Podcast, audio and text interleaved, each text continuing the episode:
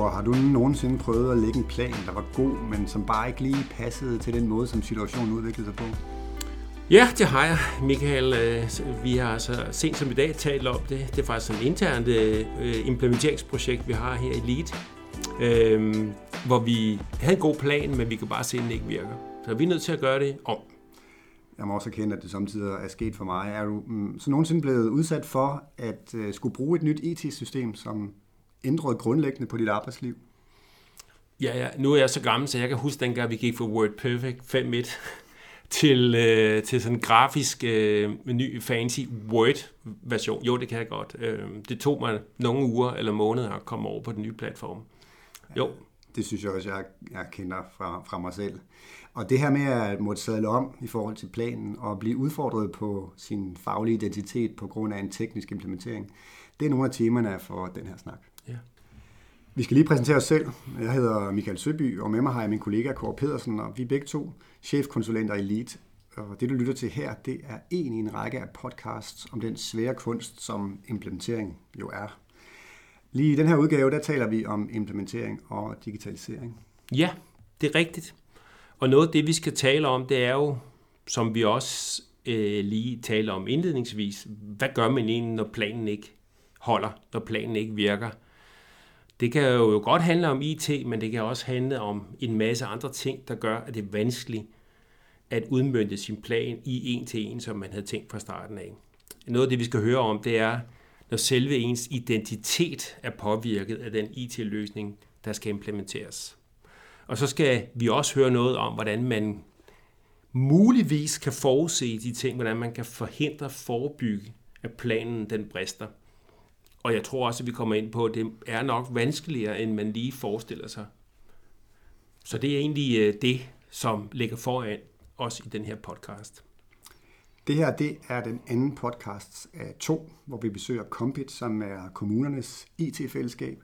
Og ligesom i første runde, så snakker vi med en leder derfra. I den her udgave der er det Mie Holmsgaard, og hun skal have lige have lov at præsentere sig selv. Jamen, jeg er implementeringschef i Compit, og jeg har været her i syv år. Øh, startede i 2015, lige da man øh, havde underskrevet de første kontrakter på de her monopolbrudsløsninger, sygdagpenge, kommunernes ydelsessystem og SAPA og sådan noget. Der var nogle nye leverandører, der skulle ind og udbyde på markedet. Jeg arbejdede de første fem år i Kombit som implementeringskonsulent, primært på øh, kommunernes sygdagpengesystem, KST, men har også været lidt ind og snuse til, til nogle af de andre implementeringer, og for to år siden blev jeg implementeringschef i Kombit. Ja, det var mig.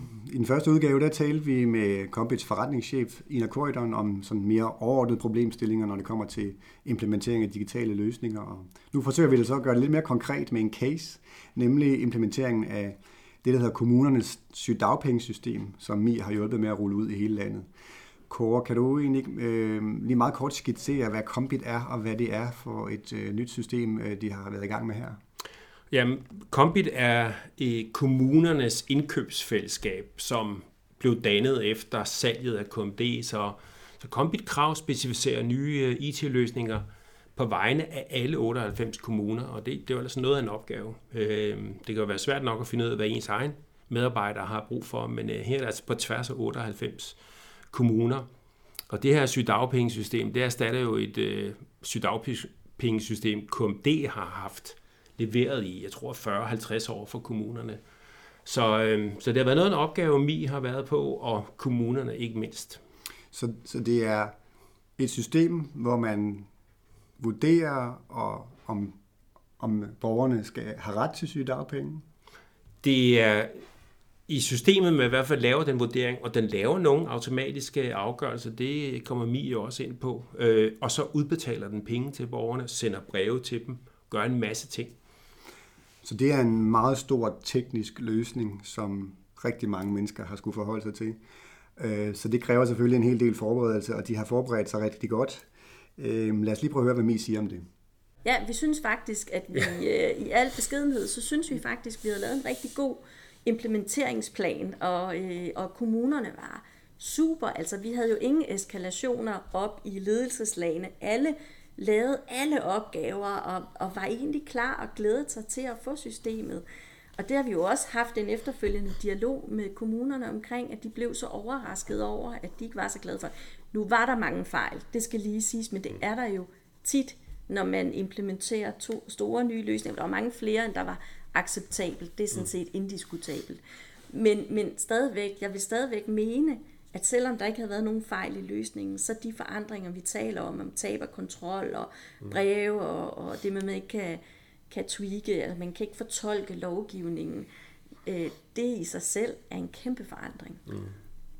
Okay, så situationen er altså, at øh, de har forberedt sig rigtig godt, og Mie fortalte, at de havde haft øh, sagsbehandlere og andre øh, fagpersoner fra 50 forskellige kommuner til at hjælpe med at forberede det her. De kommer rigtig godt fra land. De synes, de har lavet en super god plan. Og så lige pludselig, så øh, ramler det lidt. Øh, folk mistede hurtigt tilliden til systemet på grund af nogle fejl, og, og, og der kommer lidt oprør over øh, en bred front. Her fortæller Mie lidt om, hvordan øh, det kom til udtryk. Det kom øh, til udtryk i rigtig mange supporthenvendelser. Øh, det kom til udtryk i klager. Det kom til udtryk i øh, en dårlig brugertilfredshedsundersøgelse. Og rigtig mange kommentarer. Vi laver brugertilfredshedsundersøgelser, og, øh, og det kom også til udtryk. Altså, der var jo også opmærksomhed for ombudsmanden, øh, og HK-bladet gik ind i sagen, og, og så videre. Og, vi, og det kan man sige, det er godt, fordi så får vi det, og det gjorde det ret tidligt i forløbet, for så får man det frem i lyset. Hvad er det, der er på spil her? Er det, så får man undersøgt det og får tredje parter på. Ja, hvad er det egentlig, der er på spil her, Kåre? Det ramler en lille smule for dem efter en meget øh, intens forberedelse. Øhm, der er nogle tekniske fejl i systemet, men det er der jo altid, så det er ikke kun det, det handler om. Hvad tænker du, hvad er det, der går galt her? Nu kender jeg jo nogle af kommunerne, så jeg tror, at de tekniske fejl har nok øh, gjort, at tolerancen for andre elementer i løsningen, øh, den har været mindre. Men der er åbenbart også noget, øh, hvor ombudsmanden går ind omkring de her, øh, tror jeg, de her automatiske sagsbehandling, øh, automatiske afgørelser. Der er mere den der automatisering, den piller ved noget grundlæggende i, hvordan man laver sagsbehandling. Øh, og det er jo ikke alt det, man åbenbart har kunnet fange, selvom man laver en grundig implementeringsplan det har været svært at få fat i de der ting indledningsvis.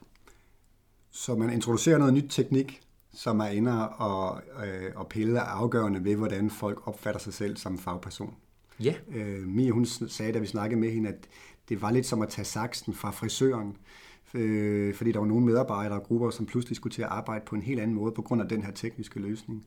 Og det øh, fandt de frem til. Det kræver en helt anden tilgang, end man måske sådan historisk har gjort brug af, når det, når det handler om IT-implementering, hvor man har, hvor man har øh, fokuseret meget på det tekniske, men her er der så tale om stor øh, faglig ændring, og det er hun inde på her i det her klip. Der er kun én ydelse i systemet. Øh, det er et system, der er karakteret ved, at det har overtaget et, øh, et andet system, der hedder KMD Dagpenge, som har været i kommunerne i 30 år. Så det vil sige, at de sagsbehandlere, der er på sygedagpengeområdet, de har arbejdet. For det første er det en medarbejdergruppe, der er, sådan er, er relativt godt op i åren, sådan overvejende. Der er selvfølgelig også nogle yngre på området. Men de, de har, en, har haft og har en høj faglighed på sygedagpenge og kendt KMD-dagpengeløsningen rigtig godt, indtil de fik KSD. Øh, KMD Dagpenge var et øh, manuelt sagsbehandlingssystem, øh, hvor, øh, hvor det havde en brugergrænseflade, men, men sagsbehandlerne fulgte ligesom sagen fra vugge til grav og skulle ind og lave et opslag i et hav af andre systemer for ligesom at lægge data ind og kontrollere data og beregne ydelsen og sørge for, at de udbetalte og afgjorde osv. Det var ligesom sagsbehandlernes opgave i det gamle system. Med KSD, der blev det jo så besluttet, og det var jo også en økonomiaftale, der blev indgået mellem øh, staten og kommunerne, at man skulle effektivisere sygdagpengeområdet. Øh, og man skulle også automatisere det i langt højere grad.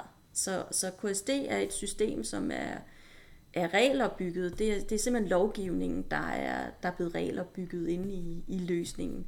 Og det vil sige, en, en lang række sager i dag i KSD, det bliver afgjort automatisk og udbetalt automatisk. Der er aldrig en sagsbehandler indover. Den henter oplysninger fra omkring 46 snitflader, validerer dem, og har den de oplysninger, den skal bruge, jamen så, så laver den bare en afgørelse. Enten så afviser den, eller godkender og sender til udbetaling og afslutter også sagen. Øh, og det er jo en markant, kan man sige, forandring fra, fra tidligere. Og det er sådan et, det kan jeg komme ind på lidt senere, men det, der, der kan man virkelig sige, der er noget tab af kontrol for nogle sagsbehandlere der, og ligesom skulle overlade og have tillid til, at et system kan, kan gøre det, de før øh, satte nære i at gøre, og kunne det håndværk, de kunne, og stadig kan. Og det vi så kan se nu, det er, der er langt derfra til, at man virkelig får værdi af de IT-systemer, man får ud. Det er en helt anden implementeringsopgave. Ja, det er en helt anden implementeringsopgave, siger Mia her, at gå fra ikke bare det tekniske, men også øh, det rent faglige, som, øh, som det her det ender med at betyde for folk. Jeg ved, at Mia hun øh, har forsøgt at få overblik over, hvad det så var for en opgave, de egentlig stod overfor, øh, sammen med blandt andet Louise Harder Fischer fra IT-universitetet i, i, i København. Hun har været involveret i et stort øh, forskningsprojekt om forandringsledelse i, i sådan et digitale sammenhænge. Og en af mange gode pointer i det her forskningsprojekt, det var, at de nåede frem til, at en god implementering, den går på tre ben, når det gælder digitalisering. Det første ben, det er indhold, der selvfølgelig alt det tekniske, alt det IT-mæssige. Det er det, som man traditionelt fokuserer ret meget på. Det næste ben, det er det her med processer. Hvordan kommer man egentlig fra ord til handling? Hvordan bygger man et godt projekt, der går fra ambition til, til effekt? Og så den sidste, det er mennesker. Det er den sidste ben i, i taburetten her, at man skal have fokus på de folk, der faktisk bliver udsat for en forandring.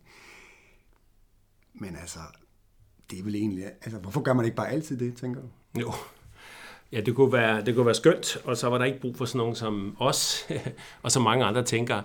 Men øh, hvis, jeg, hvis jeg lige kigger på Kombit, så tror jeg faktisk også, det bliver en vanskelig proces for Kombit og for andre. Øh, meget af det, vi laver i landet i øjeblikket, er jo store fælles indkøb, store fælles løsninger. Det her med at vide, hvordan rammer det i virkeligheden mennesker, som ikke er nogen af de øh, sagsbehandler for 50 kommuner, der ender og prøve noget af. Hvordan rammer det os i virkeligheden, i hverdagen, i vores identitet, som var jo det tredje ben med mennesker? Det tror jeg faktisk er vanskeligt at diagnostisere på forhånd. Øh, øh, så vi kan jo godt lide lidt mere prototype forløb, prøve nogle ting af, få testet noget af, så man kan få sig de erfaringer tæt på virkeligheden. Øh, men det er ikke, fordi jeg ikke tror, at Kombit vil komme til at løse det. Det bliver bare ikke nemt, det her. Men lad os lige prøve at holde fast i de her tre ben. Det indholdsmæssige, det er alt det tekniske. Det, øhm, det havde de forberedt sig ret godt på. Så er der det her med det procesmæssige øh, at skabe et godt projekt. Lad os øh, lige høre, hvad øh, Mia har at sige om det. Hun taler om at projektliggøre en indsats. Mm. Jamen, det betyder jo, at man, man, man tager implementeringsopgaven på sig, som var det et projekt. Det kan godt være, at de ikke skal drive en leverandør og drive en teknisk udvikling og driften og bringe det i udbud, men de skal drive hele implementeringsprojektet. De skal projektgøre det. De skal på dagsordenen ind i, i driften i de fagområder, hvor vi går ind og implementerer. De skal sikre og følge op. De skal have tiden til det. De skal have en styregruppe, som er med til at tage ansvar og træffe nogle beslutninger Øh, øh, vi kan se, der er også, men man må også sige, vi ser også nogle små kommuner især, som har ganske få ressourcer, men hvis de har meget dedikerede ressourcer, så er de virkelig dygtige til at tage nye systemer i brug. Så de har ikke den udfordring, men de har heller ikke den store organisation, de skal dreje. De kan lige vende hovedet. Der er måske tre mennesker, fire mennesker, der bliver enige om, den her, den næler vi, og vi aftaler, hvordan vi arbejder med det her. Vi har en måde at tale om det på, og så behøver de ikke at have en styregruppe og alt det her. Så lykkedes de faktisk meget godt. Ja, den nailer vi. Øh, det her projekt, det gennemfører vi lidt. Det her med at oprette projekter for at øh, gennemføre en indsats, det er noget af det, som øh, jeg er meget optaget af, fordi jeg synes, jeg kan se, ikke bare i kommuner og andre offentlige institutioner, men også øh, i private virksomheder, at mange rigtig dygtige fagpersoner, de er faktisk ikke så fortrolige med, hvad det vil sige at arbejde i et projekt og derfor øh, så, øh, så kører det lidt skævt, fordi man ikke får talt om det. Mm. Har du nogle erfaringer med det? Ja, altså jeg, jeg tænker, når, når Mi siger dedikerede ressourcer, så har man altså udpeget en projektleder, der får hele eller dele sin arbejdstid til at løse alene den her opgave. Og der er en start og en stop. Og så har man det, vi jo sige i projektverdenen vil sige, vi skal have en projektejer, vi skal have en ansvarlig chef, der har det samlede ansvar for, at der er nok ressourcer, øh, at målene øh, er tydelige, og man skal opnå noget, og med til at rydde forhindringer af vejen. Og forhindringer af vejen, det er jo Når alle dem, der skal bidrage til projektet, ikke har tid, synes de, så går projektet egen ind og siger, ved du hvad, Ulla, og ved du hvad, Henrik, du har tid, for det sørger jeg for. Og så køber man vikar ind eller andre ting. Og det tror jeg, det er det, hun mener med dedikeret. Og det kan vi sagtens møde i en lille kommune, hvor man enten for eksempel kan have virkelig veluddannede projekter, men det kan også være, at man har bare folk, der er gode til at drive ting fremad. Og det har jeg også oplevet. Så simpelthen ikke nødvendigvis har alle de formelle projektledelses kompetencer, men de kan drive ting fremad, og de kan få ting til at, at ske. Så det kan sagtens følge det der. Så det her med at skabe et godt projekt, det skal man tale om, hvordan man gør det. Og det er så det, som taler ind i øh, det her procesbenet, som jeg i hvert fald forstår det, i de tre, in, øh, de tre dele af en god implementering. Øh, indhold, proces og mennesker. Så skal vi lige have øh, fat i det sidste ben i taburetten, som er det her med menneskedelen. Det har de jo rigtig godt blik for i Compit i dag, men da vi talte med Mie, så fortalte hun, at det også giver lidt udfordringer at knække den lød. I, i Compit er vores opgave faktisk ikke at håndtere den organisatoriske implementering. Det står sort på hvidt, det er kommunernes eget ansvar, og det var egentlig også det ansvar, man gerne ville tage. Men man kan sige, sådan er virkeligheden bare ikke. Altså, det passer ikke ind i, i det setup, af, fordi der er nogle øh, organisationer, det er nogle store virksomheder og sådan nogle kommuner, de har bare en drift, og den kører, og de er presset på ressourcer og sådan noget, og nogen skal ind og understøtte dem noget mere i at kunne, kunne tage den på sig efterfølgende. Ja, sådan er virkeligheden ikke altid, siger Mie her. Øh, man kommer med en teknisk løsning, og så er der nogle andre, der lige skal stå for at... Øh, øh, for, for, for den menneskelige del. Nu siger vi det sådan lidt firkantet her. Øh, men altså, jeg synes, vi er inde på noget centralt her, om det så er en kommunal sammenhæng eller andre steder. Øh, der er nogle mennesker, som skal forberedes på, hvad det er, de bliver udsat på. Du har været lidt inde på det, Gård, men, men kan man gøre det, eller er man fra starten af, eller er man nødt til at gøre det hen ad vejen for mennesker med ombord? Ja, altså, øh, nu har jeg været ude nogle gange og hjælpe kunder med at implementere et IT-system, og jeg vil sige, at jeg tror, det er uden undtagelse, at det går op for dem, at både medarbejdere og ledere er uforberedt på, hvad det egentlig er, de skal, øh, de skal implementere. Øh, de har nogle overskrifter, det kunne være kommunernes sygedagpengeløsning, som i det her eksempel.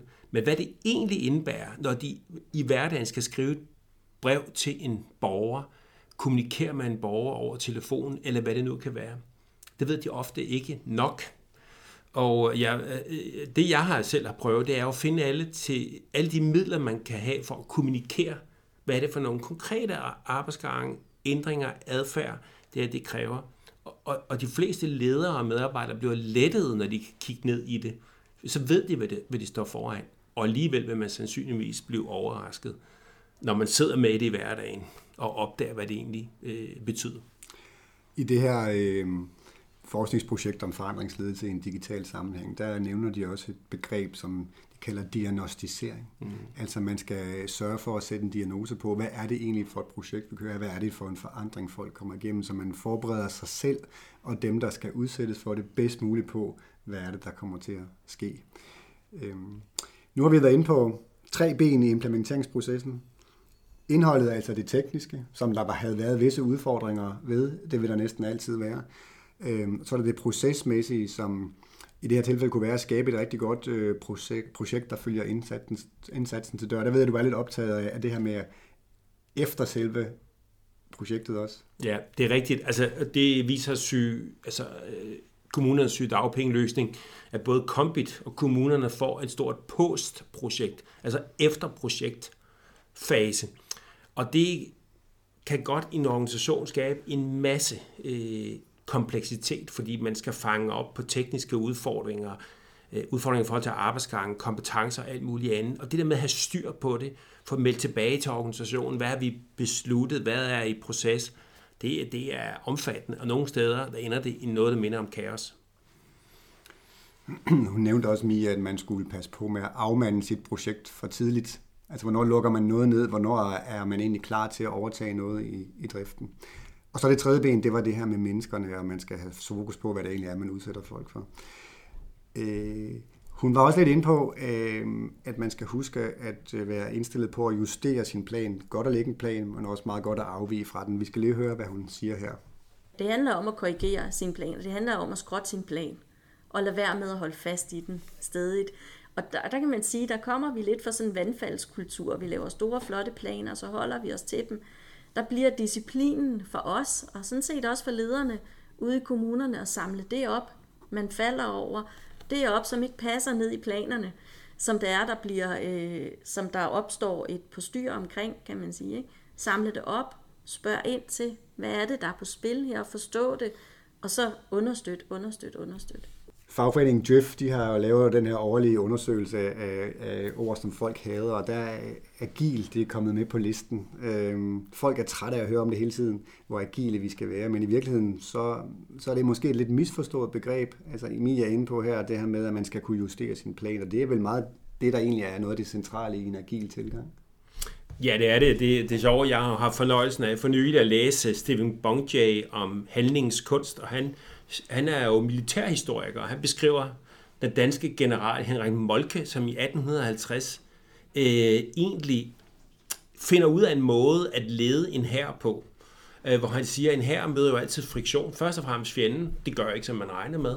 Terrænet, klimaet, øh, soldaternes moral.